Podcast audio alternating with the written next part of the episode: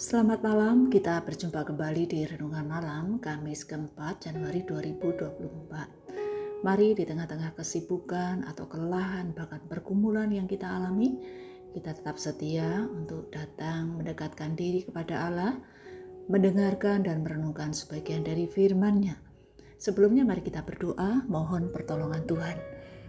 Bapa yang di surga kami mengucapkan syukur, kami menyadari di tengah-tengah kelelahan dan pergumulan kami masing-masing, selalu ada pertolongan Tuhan, ada kasih setia Tuhan yang tidak pernah berhenti dalam kehidupan kami. Saat ini Tuhan kami mau datang kepada Tuhan, mendengarkan dan merenungkan sebagian dari firman-Mu. Kami sungguh membutuhkan pertolongan-Mu agar di dalamnya kami semakin mengenal Tuhan, semakin kami menyadari siapa kami sebagai orang-orang percaya yang seharusnya dalam hidup ini mengalami perubahan seperti yang Tuhan kehendaki. Berbicaralah ya Tuhan, kami siap untuk mendengar. Dalam nama Tuhan Yesus kami berdoa. Amin. Kisah para Rasul pasal 26 Kata Agripa kepada Paulus, engkau diberi kesempatan untuk membela diri.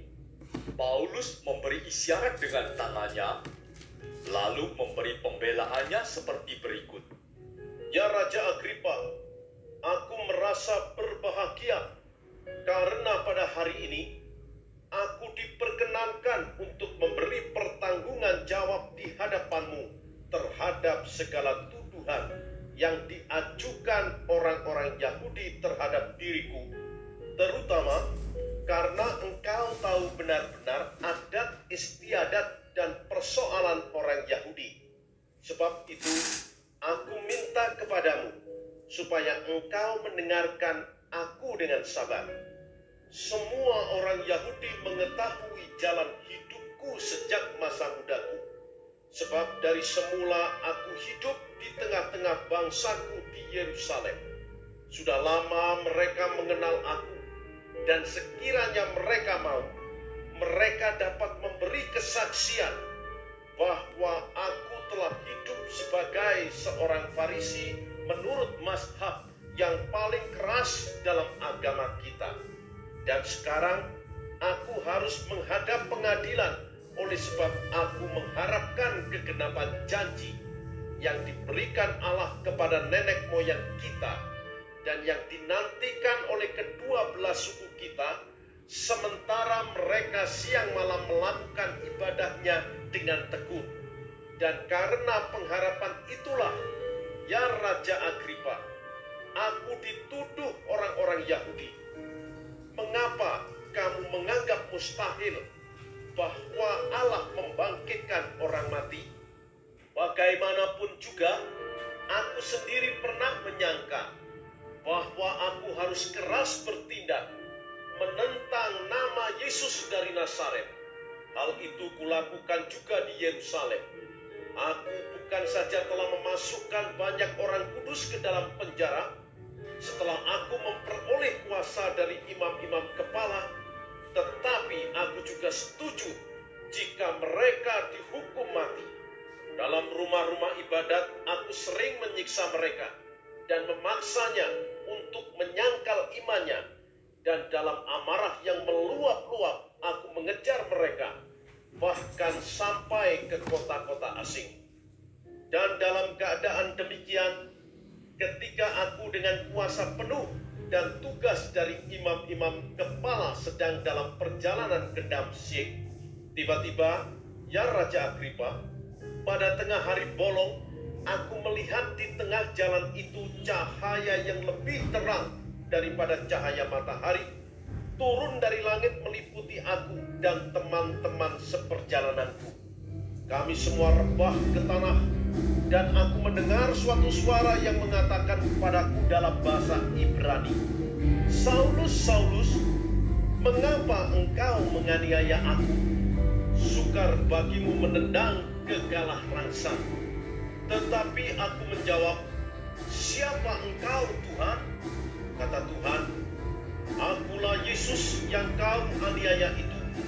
Tetapi sekarang, bangunlah dan berdirilah. Aku menampakkan diri kepadamu untuk menetapkan engkau menjadi pelayan dan saksi tentang segala sesuatu yang telah kau lihat daripadaku dan tentang apa yang akan kuperlihatkan kepadamu nanti. Aku akan mengasingkan engkau dari bangsa ini dan dari bangsa-bangsa lain. Dan aku akan mengutus engkau kepada mereka untuk membuka mata mereka supaya mereka berbalik dari kegelapan kepada terang dan dari kuasa iblis kepada Allah supaya mereka oleh iman mereka kepadaku memperoleh pengampunan dosa dan mendapat bagian dalam apa yang ditentukan dikuduskan. Sebab itu, ya Raja Agripa, kepada penglihatan yang dari surga itu tidak pernah aku tidak taat. Tetapi mula-mula aku memberitakan kepada orang-orang Yahudi di Damsyik, di Yerusalem, dan di seluruh tanah Yudea, dan juga kepada bangsa-bangsa lain, bahwa mereka harus bertobat dan berbalik kepada Allah, serta melakukan pekerjaan-pekerjaan yang sesuai dengan pertobatan itu. Karena itulah orang-orang Yahudi menangkap aku di bait Allah dan mencoba membunuh aku. Tetapi oleh pertolongan Allah, aku dapat hidup sampai sekarang dan memberi kesaksian kepada orang-orang kecil dan orang-orang besar.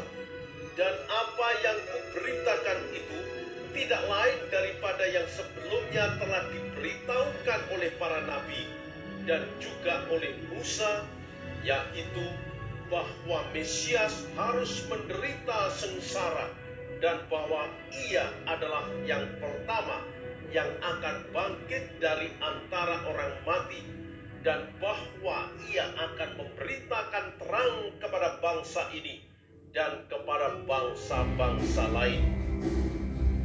Sementara Paulus mengemukakan semuanya itu untuk mempertanggungjawabkan pekerjaannya, berkatalah Festus dengan suara keras, Engkau gila, Paulus. Ilmumu yang banyak itu membuat engkau gila. Tetapi Paulus menjawab, Aku tidak gila, Festus yang mulia. Aku mengatakan kebenaran dengan pikiran yang sehat. Raja juga tahu tentang segala perkara ini. Sebab itu aku berani berbicara terus terang kepadanya. Aku yakin bahwa tidak ada sesuatu pun dari semuanya ini yang belum didengarnya. Karena perkara ini tidak terjadi di tempat yang terpencil. Percayakah engkau Raja Agripa kepada para nabi? Aku tahu bahwa engkau percaya kepada mereka. jawab Agripa, Hampir-hampir saja kau yakinkan aku menjadi orang Kristen.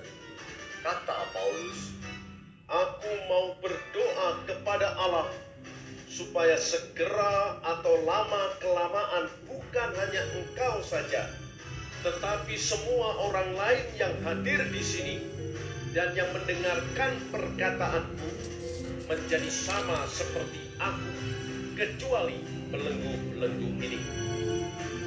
Lalu bangkitlah raja dan wali negeri serta Bernike dan semua orang yang duduk bersama-sama mereka. Sementara mereka keluar, mereka berkata seorang kepada yang lain, Orang itu tidak melakukan sesuatu yang setimpal dengan hukuman mati atau hukuman penjara. Kata Agripa kepada Festus, Orang itu sebenarnya sudah dapat dibebaskan. Sekiranya ia tidak naik banding kepada kaisar. Dalam kisah para rasul pasal 26 ini menunjukkan bagaimana firman Tuhan yaitu kabar baik itu akan membuka mata mereka yaitu mata rohani yang telah dibutakan iblis terhadap keadaan mereka yang terhilang dan binasa karena tidak percaya pada Yesus menolak kebenaran yang tercatat dalam Injil padahal hanya pemberitaan Kristus dengan kuasa Roh Kudus yang akan membuka pengertian mereka supaya mereka berbalik dari kuasa iblis kepada Allah. kita mengetahui bahwa iblis adalah penguasa dunia ini, sehingga semua orang di luar Kristus berada di bawah penguasaan dan perbudakannya. Roh iblis bekerja dalam semua orang berdosa, yaitu di antara orang-orang durhaka. Pemberitaan Injil dengan kuasa Roh Kudus akan membebaskan mereka dari kuasa iblis dan membawa mereka ke dalam kerajaan Kristus supaya mereka memperoleh pengampunan dosa melalui iman kepada Kristus yang telah mengorbankan nyawanya di atas kayu salib. Sehingga menerima bagian yang ditentukan untuk orang-orang yang dikuduskan. Orang yang telah diampuni, dilepaskan dari kekuasaan dosa dan iblis, serta dipisahkan dari dunia.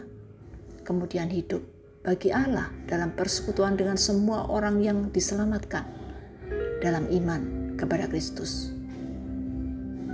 Pertobatan Paulus terjadi pada perjalanan ke Damsik. Sejak saat itu dia mengakui bahwa Yesus sebagai Tuhan dan Juru Selamat. Dan ia menyerahkan hidupnya untuk mentaati dia. Setelah pertobatannya, Paulus tidak mengajarkan bahwa keselamatan hanya menuntut percaya kepada Yesus dan karya pendamaiannya. Tetapi ia mengajarkan bahwa tidak ada seorang pun dapat diselamatkan oleh Kristus kecuali mereka bertobat dan berbalik kepada Allah, serta membuktikan pertobatan itu dengan perbuatan mereka.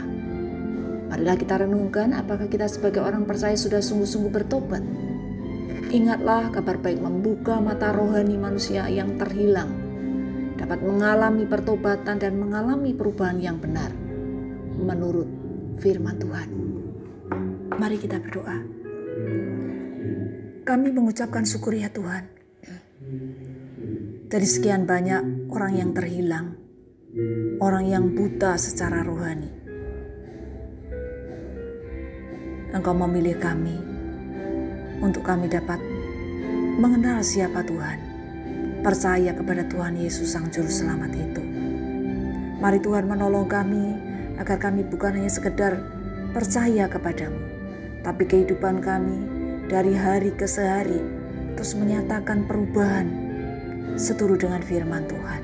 Sehingga kehidupan kami di dalam dunia yang sementara saja ini, Tuhan pakai untuk memberikan teladan yang benar pada sesama kami. Dalam nama Tuhan Yesus kami berdoa. Amin. Bapak Ibu sekalian, selamat beristirahat. Tuhan Yesus memberkati. Amin.